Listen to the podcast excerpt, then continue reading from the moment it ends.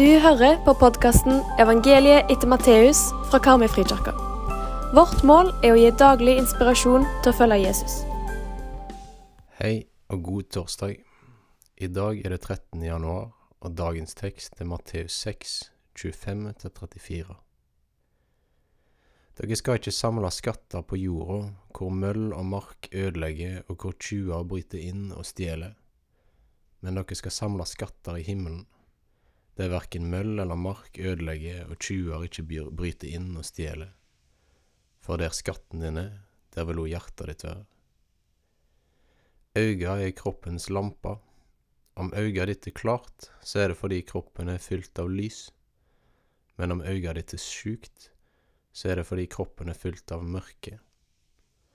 Er nå lyset i deg mørke, hvor dypt blir ikke da mørket? Ingen kan tjene to herrer.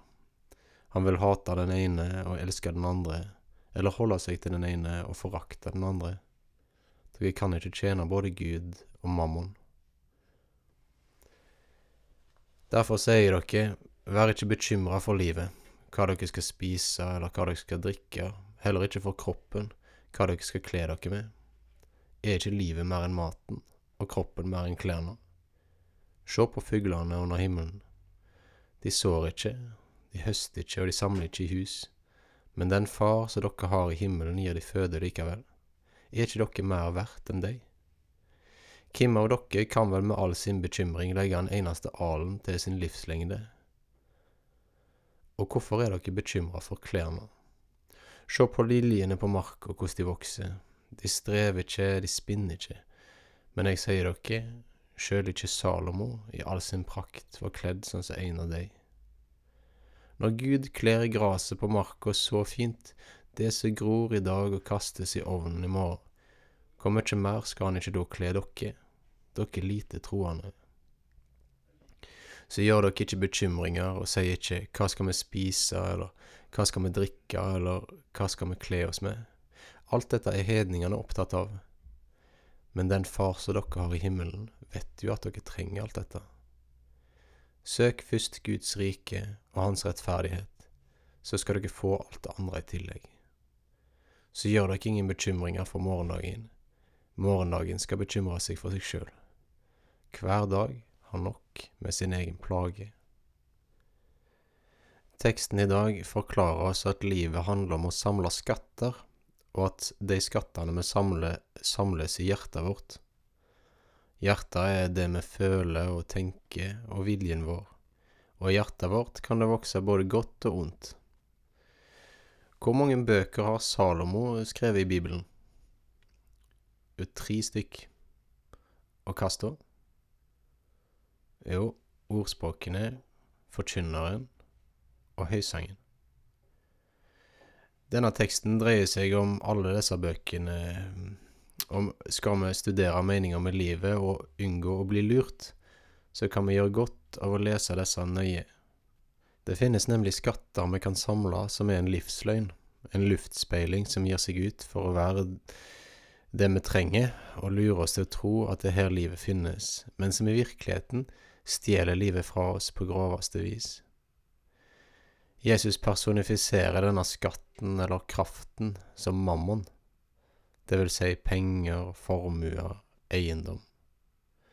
Og han setter den opp imot Gud, han som gir oss alle ting, ja, til og med før vi ber han om det. I jødedommen finnes et idiom som kalles for godt øye og ondt øye. En person som har et godt øye, er en person som er gavmild, som gir, som er sjenerøs med det han eier, mens en person med et ondt øye er en gjerrig person, som misunner og holder tilbake det gode for de som er rundt han. Tenk på noen som du forbinder med ordet sjenerøs. Hvordan er det å være rundt en sånn person, som er glad til å gi? Altså som ikke gir for å forvente noe tilbake, og på den måten manipulere, men for gir fordi han elsker. For mitt vedkommende så tenker jeg på min egen far, som jeg aldri kan huske at har holdt noe tilbake for oss i familien, men som har alltid gitt av tid og tilstedeværelse og penger, og ikke har krevd noe gjengjeld. Alltid har det vært en utstrakt hånd. Jeg tenker på hva det har vist meg gjennom oppveksten min. Det er noe av det eh, i alle fall blir at meninga med livet umulig kan handle om å karre til seg, men har med å se hvor mye en kan velsigne de som er rundt en. Det var jo dette Abraham, som er far til oss alle, gjorde etter at Gud kalte han. Hvordan levde han? Jo, han levde som nomade i ørkenen, og han gravde brønner som han velsigna alle med eh, drikkevann.